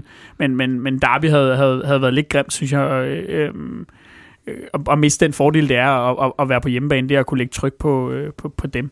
Men øh, sådan helt principielt, øh, så, så, så sætter det jo en, en lidt sådan ny øh, øh præcedens i forhold til, at øh, nu bliver ballade på udebane straffet med manglende tilskud på udebane. Og det, det synes jeg jo et eller andet sted, der er meget godt sammenhæng i. For noget af det, der var problemet med den anden straf, det var jo, at øh, en hel masse altså virkelig, virkelig mange mennesker, som for eksempel ville have, have, have tænkt sig at komme til Derby herinde den, den 5. november, øh, som, som intet havde med den der ballade derude at gøre. En masse Brøndby-fans for eksempel. Ja, altså også dem, øh, som bliver straffet for, øh, hvad hedder det, og, og kan ikke komme til fodbold, fordi at, at 100 mennesker har, har taget sig øh, mere end almindeligt åndssvagt ude på, på Brøndby Stadion. Det går jo stadig ud over dem, som kunne have lyst til at øh, tage ud og se den her øh, udebanekamp i, øh, i slutspillet på Brøndby Stadion. Men, men så kan man sige, principielt er det jo stadig det samme, det er stadig en kollektiv straf, men, men, men i, sådan i ren praksis, så er, er det jo heldigvis, i anførselstegn, en del færre mennesker, der det ender med at gå ud over, og det er da trods alt positivt. Det var, så vi- vi fortsætter den positive stil. for tidligere. Ja, Magnus? altså, jeg, jeg er meget enig. Man kan altid diskutere det der sådan, det som er det specielt for sådan fodboldverdenen, at vi jo har en tendens til at straffe kollektivt. Og det der med, at det går ud over nogen, som det ikke bør gå ud over. Også for eksempel øh, OB, som jo har, har mistet en masse billetindtægter fra kampen i, øh, i går. Nu er jeg ikke helt inde i det, men, ja, men jeg håber, der er en del af den bøde, vi betaler på 300.000 går til at kompensere OB for manglende billetindtægter. Altså, det kan jeg godt sige, det tror jeg ikke, den gør. Det for Nej, der er OB, de er ude i, med meget voldsom kritik i dag. Og det, forstår, og det forstår jeg så også godt, fordi det er jo ikke rimeligt for dem, og det er jo også en kamp, som de... Øh, altså, jeg tror, der er et relativt stort kryds i kalenderen i Odense, når, når FCK eller Brøndby kommer på besøg. Det er noget, der betyder meget derovre, øh, og det betyder bare mere, når der er fans med. Øh, så på den måde synes jeg også, det er en lille smule urimeligt. Og øh, hvis man skal være en lille smule fordomsfuld, så tror jeg, at, at man ved at straffe udebanefans, altså FCK's udebanefans straffer, altså rammer mere plet i forhold til at straffe de typer, der måtte være. Altså, jeg havde egentlig selv tænkt mig at være i Odense i går. Øh, og, Kaldte du dig selv lige en af de typer? Ja, indirekte. øh, nej, men du ved... Øh, Stærkt, nej, nej, men, nej, men selvfølgelig, selvfølgelig, selvfølgelig, selvfølgelig skal man ikke sidde Jeg skal og... sige, at Magnus sidder her i skimaske Ja, ja, ja. tandbeskytter. Kan ikke undskyld. Øh, nej, men det er jo rigtigt nok. Altså, jeg tror bare, at det går ud over flere altså børnefamilier, ældre mennesker, så videre, så videre, i parken på hjemmebane, end det måske er øh, unge, aggressive mænd som mig selv. Ej, øh, øh, men, Så greb du den godt. så, jamen, som, som så kommer på udebanetur. Altså, øhm, så på den måde synes jeg, det er fair nok, men, men, men igen bliver det, der er bare så mange principielle gråzoner af de her spørgsmål, jeg synes, det er svært at... Sådan, ja. Ja, og det er jo så det, nu, man, man, det kan man jo gøre en, en længere diskussion ud af, men problemet er jo også, at, at de her straffe, jamen, de, øh, de, de løser jo ikke, altså, de løser jo ikke kerneproblemet. Det, der løser kerneproblemet, det er jo, det er jo noget af den indsats, som, øh, som man har gjort herinde, altså fra klubbens side, simpelthen at gå ud og, og pege de her ballademager ud og få stukket dem nogle karantæner, og så selvfølgelig gå i, i dialog med, med fanmiljøet om, øh, hvordan de her kampe skal, skal afvikles fremadrettet. Øh, det, er jo, det er jo sådan noget, der hjælper. Altså, der, der er jo ikke nogen af de her, som lavede ballade ude på Brøndby Stadion, det har vi også talt om mange gange før, som stopper med at lave ballade, fordi at der er to kampe, de ikke må komme til. Nej, øh, jeg indskyder lige, at det var 44 personer, som både har fået karantæne, som er, der er blevet rejst en række mm. sigtelser mod fra politiets side. Men, Blandt men, andet, som der står i sigtelsen, på grund af øh, overvågning og øh, FC København Ja. ja. øh, away-call-system, som har gjort det muligt at identif- identificere de her mennesker. helt sikkert, men omvendt, så tror jeg, at argumentet for netop at lave kollektiv afstraffelse er, at man skal forsøge at skabe en anden fordømmelseskultur på tribunen, og det, det er ikke det mest effektive middel, men jeg tror, det spiller en rolle. Det her med, Det at, gør det, der er. det her med, at man godt ved, at, at hvis, hvis I tosser laver ballade, så, så går det ud af os, og så vil man være mere tilbøjelig til at få det stoppet, altså internt på tribunen, uden at man skal have politiet indover. Tror du, det, det, det højner, altså selvjustitsen blandt øh, jamen, fansene, ja, det- det, udfansene? det, det er lidt det, jeg mener. Altså, jeg tror, man, man- kan mærke det tættere på sig selv, hvis man ved, hvis man er fremsynet nok, og står i en eller anden brænder ude på betongen i Brøndby, og man stadig godt kan se, det her, det kommer på alle måder til at skade os. Så, så, så vi er ikke bare ligeglade med det. Ikke, altså, man kan godt være tilbøjelig til at tænke, det er jo bare, du får bare karantæne for at gøre det, og du får karantæne for at gøre det, og jeg får ikke karantæne for noget, for jeg har ikke gjort noget.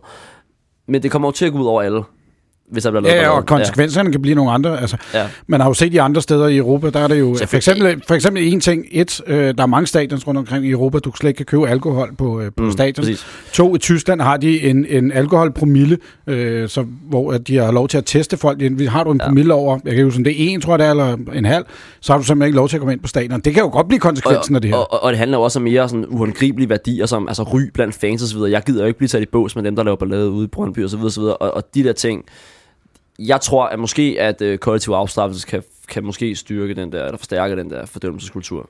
Jeg tænker lidt, at øh, hvis vi skal runde lidt af, at øh, DBU, de kunne godt øh, lave, hvad skal man sige, reglerne om, så, som I var lidt inde på, nogle af jer, før at øh, så bøden, der bliver betalt, bliver så givet til de klubber, der øh, som mangler den her øh, billetindtægt. Og så undrede jeg mig også over i går, jeg ved ikke, om det er fordi, at de skal have et udbaneafsnit til rådighed i Odense, men jeg tænker, det skal de vel ikke, hvis der ikke er nogen udbanetilskuere, fordi de blev frakendte, at de ikke havde solgt udbaneafsnittet til hjemmebanefans. Fordi stadion var jo ret fyldt. Det var så ikke helt fyldt nede på Interbyen ved siden af det normale udbaneafsnit, men jeg tænkte, de skulle da bare fylde folk ind, altså. Godt at fylde dog stadion op, så har de hele stadion på hjemmebane. Og man kunne så i den forbindelse høre, at OB's tilskuere var ikke de mest, øh, hvad skal man sige, vokale, selvom de var helt alene. Det var ikke fordi, at de ligefrem bragede derud af. Og må det ikke, at det, det er også er det, der vil blive forsøgt ude i, i Brøndby, når vi, når vi engang skal derud. Altså hvis jeg var dem, så ville jeg da forsøge at, at sælge samtlige 26.000 Alt billetter, andet ville da være mærkeligt. så, så, så eneste, der jeg er tror- maksimal pres på. Men der er måske en lille smule sikkerhedshensyn, når man skal tage. Altså det, nu, vil det, nu har vi så, skal vi gå frygtelig lang tid tilbage i tiden for at se eksempler på, at der er nogen, der kan finde på at bryde de der tribuner alligevel. Og så er det ikke skide kønt, hvis der sidder en masse børnefamilier og, og så videre. Så, øh. Nu Nu, øh, jeg læste lige på tipsbladet, at der var nogle få øh, FCK-fans i går på, på langsiden. Der var en 5-6 stykker af nogle små grupper, hvor nogen havde givet meget højt udtryk for, hvem de øh, hvad skal man sige, favoriserede, øh, og var så blevet, blevet smidt ud fra stadion. Øh, for- øvrigt også lidt fjollet, og til det over at sidde og råbe, man er FCK-fan, når man nu har fået at vide ret mange gange, i hvert fald også officielt fra klubbens side, det skal man lade være med. Øh, det virker en smule øh, underligt. Ja, ja, der var jo også en, en 25-30 stykker, der er blevet afvist i døren. Ja. Om de så åbenbart ikke er læser Det kan være, at de ikke er klar over, at de ikke... Ja, øh, ja, men, men, Eller også er de bare ligeglade. ja, ja, Ja, ja det er men, men det er jo netop, altså de har jo, de har jo taget en eller anden chance, og, og det var også det OB's, jeg ved ikke om det var deres sikkerhedschef eller deres direktør, der var ude og sige, at vi har jo faktisk nødt til at højne øh, sikkerhedsniveauet til den her kamp, øh, kontra hvis de var kommet. Præcis. Fordi så har vi vidst, hvor vi var dem. Her, der var vi nødt til at kigge på alle tribuner og se, om der var nogen. Så øh, jeg, jeg konkluderer lidt, at jeg synes, det giver god mening, at man straffer ballade på udebane med sanktioner på udebane, men at jeg kan godt kan forstå dem, der mener, at bøden var for lille i forhold til... Ja, og det er bare ikke, og, og uanset hvilken straf man vælger, så, så er det bare ikke uproblematisk. Nej. Altså, der er, man, der er problemer med det hele. Der er også problemer med, med som vi var inde på før, med kollektiv straf, øh, sådan rent principielt. Ja. Øh, altså, det, det er heller ikke øh, helt uproblematisk. Men øh, jeg synes i hvert fald, det gik fra noget lidt underligt skørt øh, til noget, der giver lidt mere mening, men stadigvæk er lidt mærkeligt. Så øh, lad os se, hvad der sker en anden gang, hvis sådan en, en dårlig situation opstår. Øh, en dårlig situation opstår der, Benjamin, forhåbentlig ikke på torsdag, når vi skal til Tjekkiet. Ja. Og spille i en by, der hedder... Olomuk. Vi har en øh, Tjekkiet-ekspert herovre, vi skal høre til, for Tjekkiet, Tjekkiet-rejser. øh, lige om lidt, der sidder herovre i hjørnet. Øh, vi skal møde FC Slim. Det, det er det indslag, jeg er sponsoreret af. Turen godt til. Monson Tours. øh, vi skal ned og spille mod FC Slim. Ja. Øh, et hold, som også er rigtig svært ved at score i Europa League, er rigtig svært at vinde en kamp. Øh, altså, hvad, hvad, hvad tror du, der, der, der venter os? Jeg tror, der venter os et, øh, en kamp mod en, uden at jeg kender noget særligt til dem, en overkommelig modstander. Øh, og jeg vil sige, at selvom jeg som udgangspunkt vil være øh, udmærket tilfreds med at, at hente endnu en gang et point på udebane, så vi kan afgøre det hjemme i parken, så, øh, så vil jeg mene, det er et hold, vi skal slå, og det er også et hold, jeg tror, vi slår. Altså, det, de ligger og... Se, og det er positivt. de, de har jo nærmest aldrig været i Europa før, og ligger og roder nede i midten af, af den tjekkiske liga. Dem skal vi simpelthen slå. Det er jo værd at nævne, at det er et hold, som er kommet direkte i Europa League, man, man, man tænker, fordi man tænker, at de må have en vis kvalitet, siden de har kvalificeret sig, men nu er jeg ikke helt inde i reglerne omkring det, men de vandt, de blev nummer 6 i den tjekkiske liga sidste år. Ja. De vinder så pokalturneringen af uantagelige årsager, så fordi at øh, det vil Slavia Prag, der vinder den tjekkiske øh, liga sidste år, så vinder United så Europa League, og det har af en eller anden grund en eller anden betydning i forhold til at så Slin direkte kvalificeret. Det vil sige, de har ikke været i, de har ikke været i, øh, ja, i nogen form for kvalifikation. Sinder, Sinder sendte blomster til Mourinho's kone. Det må de have gjort. Øh, så de er så nu i Europa, og jeg har samme fornemmelse som Benjamin. Jeg tror, det er et, øh, et ganske skrækkeligt hold, vi spiller med øh, på torsdag. Ja, vel at mærke, det er jo ikke en klub, som vi skal møde på deres øh, hjemmebane. Nej. Øh, de, Heller ikke. De, de spiller heller ikke på deres eget De stadion. spiller ikke på deres egen hjemmebane, men alligevel så er det trods alt kun et stadion. Jeg tror, der er plads til 6.000 eller sådan noget, så det er jo ikke, det er jo ikke verdens største stadion, vi skal hen til. Nå. Øhm, Nej, er det, ikke, er det ikke 12.000 der, hvor det, det er på Andruf Stadion, tror jeg, det hedder? På, Ja, torsdag. Stadion, Der er ja. 12, og så er det deres eget ved 6.000. Og man kan også sige, hvorfor rykker man så langt, altså for, for 6.000 pladser ekstra? Er det ikke noget med faciliteterne og UEFA-regler og sådan noget, der skal være nogle godt ting, bud, faktisk. tænker jeg, at det som der- regel. Nå jo, er men det, det, at det, det er som regel, som, som Varder, der også havde et stadion, der var Mm. ja, helt af helvede til, og som blev nødt til at rykke, når de skulle møde os, fordi at stadion ikke levede op til, til sikkerhedskrav. Nej, det var jo øh, på grund af... Det var på grund af det, det, det, det, Supercup. Det er rigtigt, det var Supercuppen. Ja. Der er altid et eller andet galt. Øh, men Magnus, det vil jo være samme tilfælde af, hvis nu Lyngby var gået forbi Krasnodar, så skulle have spillet det. Krasnodar? Krasnodar. Åbne det dog. så, så ville de jo heller ikke have fået lov til at spille ude på Lyngby Stadion. Så Nej, lige præcis. have været til Nordsjælland eller noget andet, ikke? Lønby på kunstgræs, det kunne være sjovt. Ja. Men Magnus, øh, du har kigget lidt på deres trup, og du var lidt overrasket, fortalte du mig. Der er ingen brasilianere. Jeg har en, øh, jeg, jeg tænker, at det er, at det er doktrinen, at hver eneste gang, vi møder sådan, øh, sådan øh, det hold, bare sådan øst for Danmark, øh, Mindst, så, mindst to. så har de mindst to sådan, Ja. ja. lidt, sådan lidt afdankede brasilianere, som engang var store talenter, men nu så bliver de lidt tykke og så videre, og så... Øh, men, men, men har deres de, fejler hvad, ingenting. har de argentiner, altså? De har engang argentiner. De De, har argentiner. jeg tror, en af deres bedste spillere, så vidt jeg kunne læse mig frem til, er Bosnier. Mirsad Mihanovic, han, øh, han er deres topscorer, offensiv midtbanespiller. Hendrik Sommers i Jablonic, gammel, gammel ven af klubben.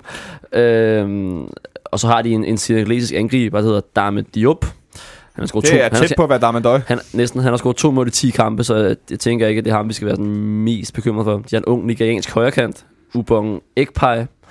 Øh, men ellers så, så er det primært tjekker på deres hold. Øh, så det er... Det sidste, du sagde, lyder som sådan et atletik øh, 3000 meter løb eller noget i den stil. Han er sikkert også øh, enormt hurtig. Han er ung, han er 21 år.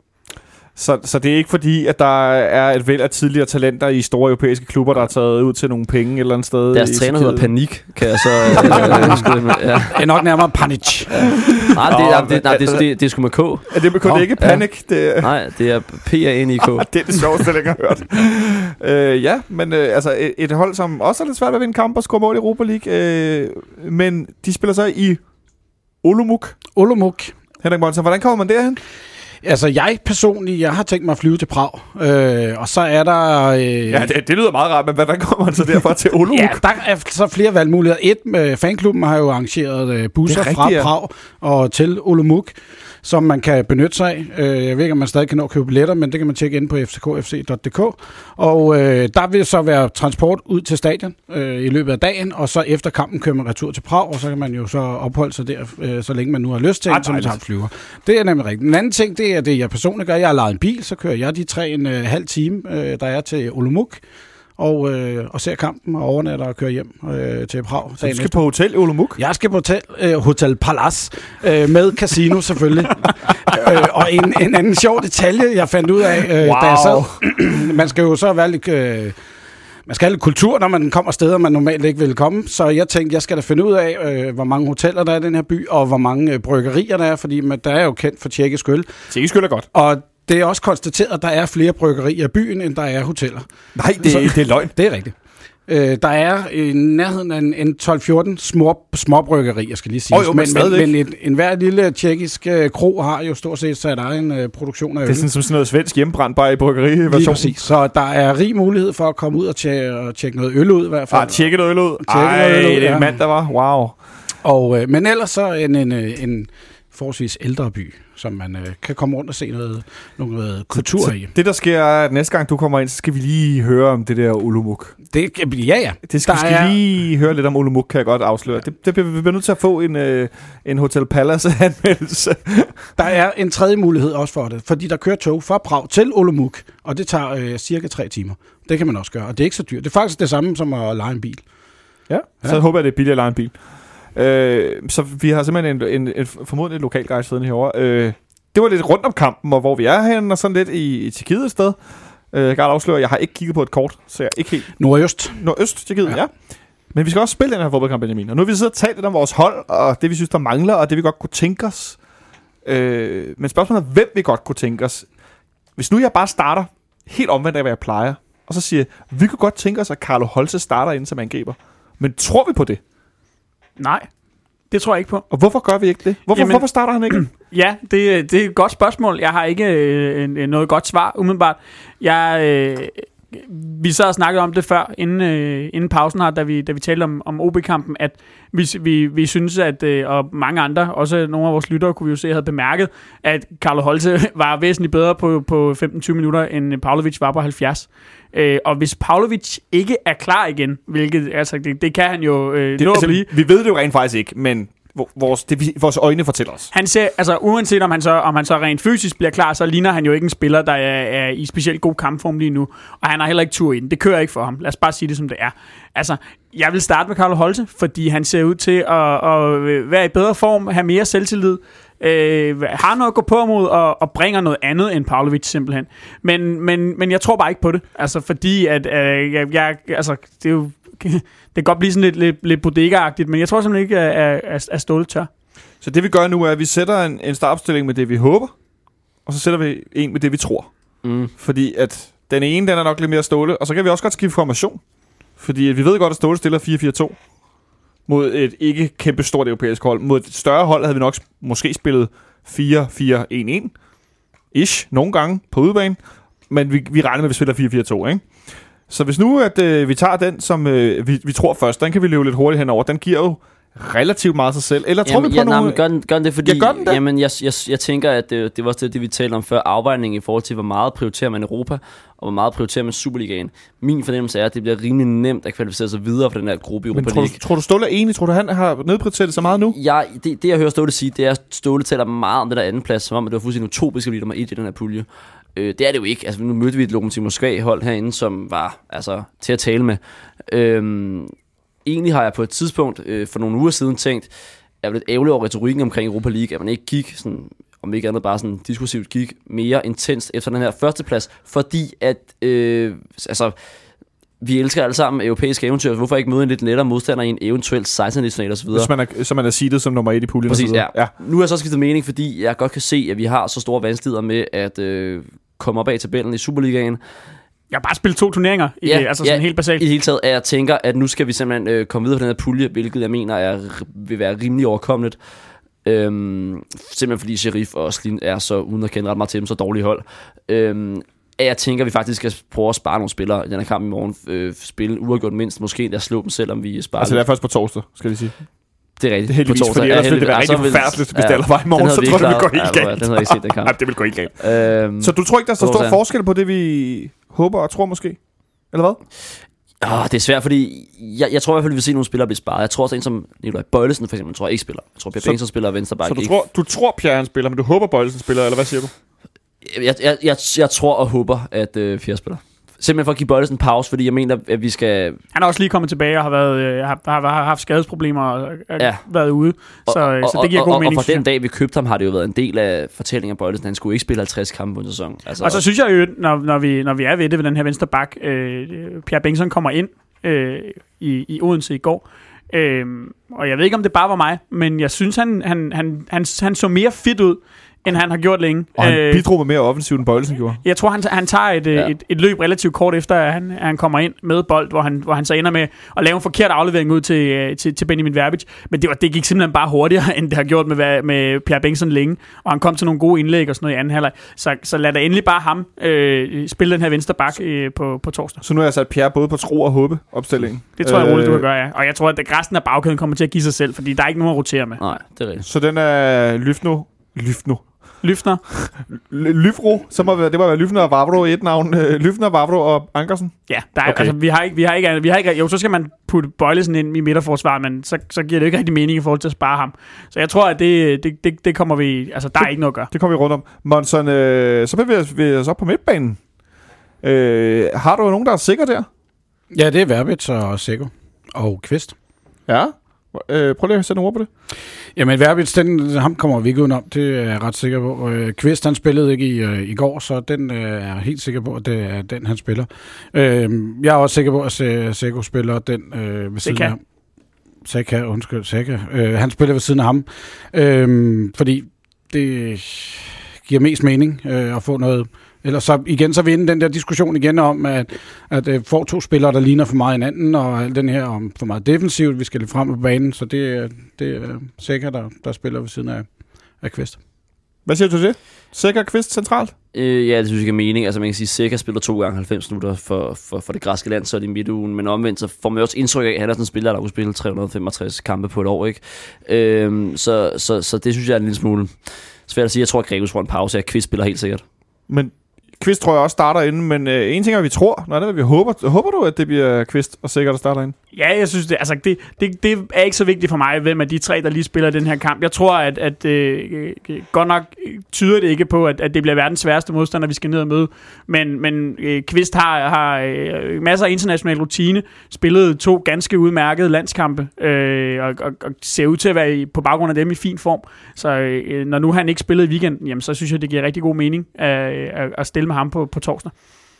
Så kigger jeg over på øh, Nicolai Sten Møllers øh, Wheel of Wings, øh, og prøver lidt at finde ud af, øh, nu spillede Falk fra start i går, godt nok på udebane, godt nok ikke i Europa, øh, var ikke prangende. Øh, det var Benjamin Verbitz sådan set heller ikke. Øh, Kasper Kusk har fået en del start også på udebane i Europa. Mm. Starter han ind øh, på torsdag? Ja, det bliver Kusko Verbic. Er jeg ret sikker på. Øhm, ja, hvis vi nu skal, nu, nu jonglerer vi lidt med det her tro og, og håbehold. Ja. Øh, Benjamin Verbic spiller 90 minutter hver eneste gang nærmest. Ja. Øh, jeg kan ikke helt forstå, at han gjorde det i går, fordi jeg synes Også, ikke, at, også for Slovenien i øvrigt. ja, jeg synes ikke, at han, at han, at han præsterer til det. Øh, spørgsmålet er, om, om han ikke også på et eller andet tidspunkt ville have godt af øh, at, at sidde over en enkelt gang. Øh, Eller, øh, eller i hvert fald en halv time. ja, ja, altså øh, sidde over som i, i startopstillingen. Og på den måde, jamen, jeg tænkte i hvert fald blive skiftet ud som en af de første. Ja, men jeg, jeg, altså, jeg vil sige, hvis jeg, hvis jeg skulle sætte den her opstilling, jeg, jeg håbede, så ville jeg nok øh, stille med, med, med Falk og Kusk, simpelthen for at, at, at spare ham en lille smule, fordi de, altså, øh, på et eller andet tidspunkt, så, så må man også gå ud fra, at så får han brug for det. Så på håberholdet sætter jeg Kus på højre. Ja. Og det kan du også gøre på, øh, på troholdet. At det, det, det Er I med på den? Er, Kusk, er I tror også, Kusk Jeg, spiller jeg, den jeg, jeg, tror, jeg, Monson, du er med på den? Er 100 procent. Jeg kunne huske, jeg har skrevet. Jeg den. tror også, det Øh, jeg tror også, det bliver Kusk og, og Verbis. Så er der Hvis- enighed hvis, jeg må håbe, Wow. hvis jeg må håbe her, så, øh, så så skal jeg helt sådan til Utopia og håbe, at Daniel Manko starter. Altså, jeg, jeg synes, Kusk var så øh, pinligt dårlig mod... Øh, spille mod, mod Sheriff, øh, da han var med der. Og, Ja, det var ikke godt. Øhm, jeg, jeg kunne godt se Danny få en kamp her igen for, ikke fordi Kusk sådan, trænger til at blive sparet så meget, men, men egentlig bare for at give ham en kamp. Det kunne også blive Kusk og måske Danny for at spare Falk, som lige kommer tilbage. Hvor klar er Tutu, det er også et spørgsmål, han starter næppe inden, men han, kunne, han, at, han er et oplagt bud på en indskifter på et tidspunkt. Men vi tror på, at Falk og Kusk spiller dem. Det er det, jeg hører sige. Øh, så på håbeholdet. Ej, vi, nej, vi tror på, Altså, vi at så på Verbis, ikke? Verbis og Kusk. Verbitz og Kusk spiller, Verbitz tror og Kusk tror jeg på. Ja, det tror jeg også. Fordi Verbitz, han spiller det hele. Ja, yeah. Men I håber, at han, øh, får en pause. han får pause, og det bliver Falk. Så er han klar til at Ja. Det drive kunne også være sjovt at se. Falk på den der venstre og få lov at trække ind i banen. Det, Det har jeg også savnet, også fordi at Verbic har spillet rigtig mange gode kampe som, som højre kant denne sæson. Jeg forstod ikke rigtigt, hvorfor man ikke prøvede at bytte dem egentlig øh, nogle gange i... Øh, I går. ja, Ja, det kunne de godt have gjort. Altså, manglede lidt, øh, de var fine, når de spillede den samme side, som de jo tit er, og trækker over der, men, men der det, det, lidt. det, er så også bare det altid greb i værktøjskassen, når det ikke rigtig kører, så bytter man lige kantspillere det er ja, for, at se- øh, for at se, sker noget der. Men, øh, Morten Olsen Classic fra det er det 2002 eller sådan noget. Ja, lige præcis. Og så nåede vi op til det der angreb, hvor vi på håbeholdet har sat en spiller, det er Carlo Holse. Der var vel ikke så mange andre muligheder. Nu så vi lige i går på BT. Stor, øh, hvad var det, øh, øh, hvad var det, hvad var det, hvad var det overskriften lød? Øh, Øh, chokmelding til øh, FCK-tilhængere, tror Ja. det var. Det var sådan noget lignende. Pushis tæt på at være tilbage. Han er snart 100% klar. Hurra! Wow, ja. Whee! Jeg mangler sådan en pistol, der kommer sådan en flag, hvor der står, Whee! Øh, vi regner ikke med, at Pushis er i spil på Jo. torsdag. Jeg har sat Pucci som... Øh, Du tror simpelthen, han starter Ja, ikke? jeg tror, han starter ind, ja. Tror jeg, han er klar til det? Nej, det tror jeg ikke. Øh, altså, jeg ved simpelthen ikke. Altså, må jeg indrømme. altså, hvis han er, tror jeg, hvis han er klar til at spille, tror jeg, han spiller altid med Pavlovic. Hvis han ikke er, så tror jeg, det bliver Pavlovic og Pieters. Og igen, så håber jeg, det bliver Carlo Holse og, og Pieters. Næsten uanset hvad, faktisk.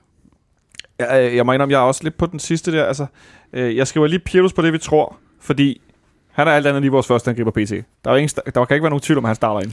Nej. Øh, og vi tror ikke altså vi håber på at holde starter, men vi tror ikke på det, vel? Øh, men, Nej, altså jeg, jeg tror, Pavlovic starter op ved siden af Pieters. Det tror jeg også. Fordi det, altså, øh, han er jo, altså, til synlædende, øh, i, i hvert fald ifølge staben, øh, øh, klar nok til at spille. Han ser bare ikke klar ud. men det er vel også noget med at spille ham i gang?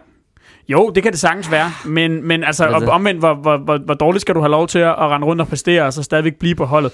Og vi skal også, altså, nu har vi siddet og snakket en del om det, vi skal også passe på ikke at gå, hvad hedder det, øh, sådan øh, pseudo-medicinsdag på, på, på Pavlovic. Altså, vi ved jo ikke, om han er fysisk klar. Det eneste, vi kan konstatere, det er, at han spiller som en, der ikke er det. Så øh, der er lidt forskel på de to opstillinger, har vi endt ud med. Øh, men jeg kan godt, godt fornemme, at øh, det der håb, vi har øh, til, til nogle af positionerne, det er ikke fordi, vi nærer så meget tro på, at det rent faktisk ender med at blive sådan, som vi sidder og taler om. Nej, ikke, ikke umiddelbart. Altså, jeg synes, det der... Altså, det her med kanterne, det, det er jo... Altså, nu, Ja, det er du, jo du, evighed. Du nævner selv Wheel of Wings, altså det, det, kan, det, det kan gå mange veje. Re- Resten er, er, er vi jo nogenlunde enige om. Det er jo den her angriberplads. Altså hvad skal man gøre? Og det er jo det, som jeg også indledte med at sige, Øh, da vi tog hul på, på snakken her om Slin.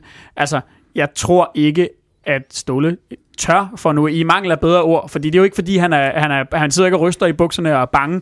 Pointen er, at øh, øh han formentlig vil mene, at det er, er, er for meget pres at lægge på, på Carlo Holse og skulle smide ham ind i en udekamp i Europa League. Øh, det ved jeg så ikke, om jeg er helt enig i. Ej, det, det, det vil jeg så godt sige. Det ved jeg, at jeg ikke er enig i. Øh, men selvom jeg er enig i, at, at han, han nok tænker sådan en ståle, og at Holzer nok ikke spiller, øh, så er det også min holdning, at altså, som jeg sagde her, da, da mikrofonerne var slukket, han er jo ikke 15 år gammel, han er 18 år gammel. Altså han i rigtig, rigtig, rigtig mange andre klubber, øh, der ville ikke være nogen problemer, der sådan et godt spil der. Altså, nu, nu så vi i Europa League-finalisterne sidste år for Ajax, at flere spillere på 18 og 17 år i startopstillingen. Altså, det, det er også bare, hvilket perspektiv man anlægger på det, at, øh, at udtage et hold. Der er vi meget, meget vant til, at spillere under 20 år, det er virkelig et særsyn. Det er ude, når vi er ude i mange skader, ikke? Ja, eller, ja, eller hvis Daniel Amartey kommer ind og er helt fantastisk, eller noget af den stil der. Øhm, men, men det er jo ikke fordi, det er jo ikke fordi vi sidder sådan en heksekæde, der kan sidde 12.000, det kommer der sikkert ikke engang. Altså, så, så jeg vil sagtens turde lade. Benjamin griber vi lidt for meget efter udskiftninger, fordi vi lige har tabt en kamp til? Ja, muligvis, men, men altså, øh, selv, hvis, selv hvis vi havde, øh, altså, lad os sige, vi havde fået 1-1, eller, eller 2-1 for den sags skyld. Altså, Pavlovic spiller jo stadigvæk en rædselskamp, og kommer ikke frem til noget. Altså, så næsten uanset resultatet, jamen, så, så tror jeg da stadigvæk, jeg havde siddet her og talt om, skal han spille på torsdag. Øh, selvfølgelig spiller resultatet ind, det er jo klart, øh, men, men jeg har det også bare lidt sådan, vi har også haft diskussionen før med Mads Rorslev. Det handler også lidt om, om, om motivationen for nogle af de her spillere, at selvfølgelig er det at lægge pres på dem og, og, og starte ind med dem. Det vil det jo være hver gang, uanset hvilken kamp du sætter dem ind i nærmest, medmindre det er en pokalkamp mod et eller andet lavere rangerende hold. Men det der med igen at se, at jamen, Pavlovic, øh, han, han, kan, han kan dårligt løbe, fristes man til at sige, men han spiller alligevel stadigvæk foran mig, ved øh, Carlo Holte tænke. Mads Rorslev kan sidde og kigge på, jamen vi laver alle mulige underlige, øh, hvad hedder det, øh, øh rokeringer nede i bagkæden, før vi bruger ham. Altså, det synes jeg at er, er problematisk, fordi så sidder man der også, også de andre ungdomsspillere vil jo på et eller andet tidspunkt komme til at sidde og tænke, jamen hvad skal man egentlig gøre for at få chancen? Altså hvor god skal man være, før man overhovedet får lov til at prøve at bryde igennem? Øh, og der er der da noget, øh, der tyder lidt på, at øh, Ståle nogle gange er, er, er lige lovligt forsigtig med at smide de her spillere i aktion. Øh, og, og vi kan jo se, at det er jo ikke altid. Altså, selvfølgelig kan vi også smide en, en 18-årig ind, og så går det ikke. Men hvis ikke man giver de her spillere tillid, jamen så, så kommer de jo aldrig til at blive gode. Og vi ser jo for eksempel op i Nordsjælland, ikke ret langt herfra, at når man nogle gange giver de her unge spillere, også selvom de kun er 17 år gamle, noget tillid, jamen så nogle gange så, så, så præsterer de. Og lige nu der er vi bare i en situation, hvor vi er så tyndt besat i angrebet, at jamen, hvorfor ikke prøve? Han har jo set god ud, når han har spillet. Men omvendt, øh, Monson, er vi vel også så presset, så øh, at øh, har vi tid til at satse på dem? Har vi tid til at give dem tillid? Har vi, har vi mul- Har vi rum til det? Jamen, jeg synes sådan, at det, I var inde på det lidt før, I siger, at vi er nødt til at spille en i form, vi er nødt til at spille en angriber i form. Jamen altså, det samme gør sig gældende med en ung spiller. Han skal altså også have spilletid, før han bliver en bedre fodboldspiller. Så hvis du ikke giver dem chancen, jamen, så bliver de heller ikke fået bedre fodboldspillere. Det kan godt være, at de kan træne 1000 timer ude på, øh, på anlægget, men, men det bliver man ikke kamp bedre spillere af, så bliver man nødt til at møde, møde nogle, øh, nogle stærkere spillere. Og en anden ting i forhold til dit spørgsmål er jo også, vi taber jo ikke til Slin, fordi vi stiller med Carlo Holte. Altså det er jo ikke det, der kommer til at gøre udslaget. Det er jo noget andet, hvis vi, skulle, hvis, hvis vi diskuterede, om vi skulle skifte to mand ud i bagkæden med, med, med 18-årige. Altså det, vi, vi, vi sætter en ung angriber ind, som har vist positive takter, og det er en plads, vi taler om at skifte på. Det er jo ikke det, der bliver udslagsgivende. Og hvis han spiller dårligt, så kan du pille ham ud i pausen. Så kan man pille ud i pausen. Det er desværre lidt en tendens i den her sæson, at spiller bliver hævet ud i pausen. Jeg håber, at øh, vi har et godt resultat ved pausen, men øh, det samlede resultat, Magnus? Jeg er glad for, at du spørger mig først, fordi jeg fornemmer, at øh, der sikkert bliver sådan en rimelig stor enighed omkring, øh, hvor, hvor lave cifre vi er nede i. Øh, jeg tror, at jeg øh, ligger mig på den, der hedder 0-1. 1-0 sejr til os. Du tror simpelthen, at øh, vi vinder 1-0? Ja, ja, det synes jeg er forsigtigt på. Ikke dårligt. Henrik Monsen? Jamen, øh, jeg startede med at skrive 1-11, men den trækker jeg tilbage. wow. en gammel stående joke. Men. Ja, Nej, øh, 0-2. 0-2 simpelthen? Ja. Benjamin, hvis du siger 0-3, så falder ned af stolen. Nej, nej. Øh, jeg siger til gengæld, alle gode gange 3, det bliver 0-0. Du siger simpelthen 0-0? Ja, det, der er mange nuller her. Og ude i teknikken. En 1-0 sejr? Eller taber vi 1-0? Ej, vi prøver lige en gang til. Vi vinder 1-0. Godt. Ja. Øh, og jeg siger, vi spiller 1-1. Det bliver, det bliver et festfyrværkeri, Ja, det uanset. ja. Så øh, hvor jeg glæder mig. Jeg håber at der er noget godt øl dernede. øh, så øh, til dem, der ikke skal derned, kan det være, at I skal finde hovedpuden frem, hvis I har lyttet til vores snak den sidste times tid. Du markerer, Martin. Jamen det er fordi, jeg har lige, øh, mens I jo sidder og kavler løs, så sidder jeg sådan lige og kigger lidt nyheder og sådan rundt omkring. Er der nogen af jer, der har kendskab til solidaritetspenge i Champions League? Det er rigtigt, det havde jeg faktisk Nå noteret, ja, at vi skulle det har vi snakke om. fået.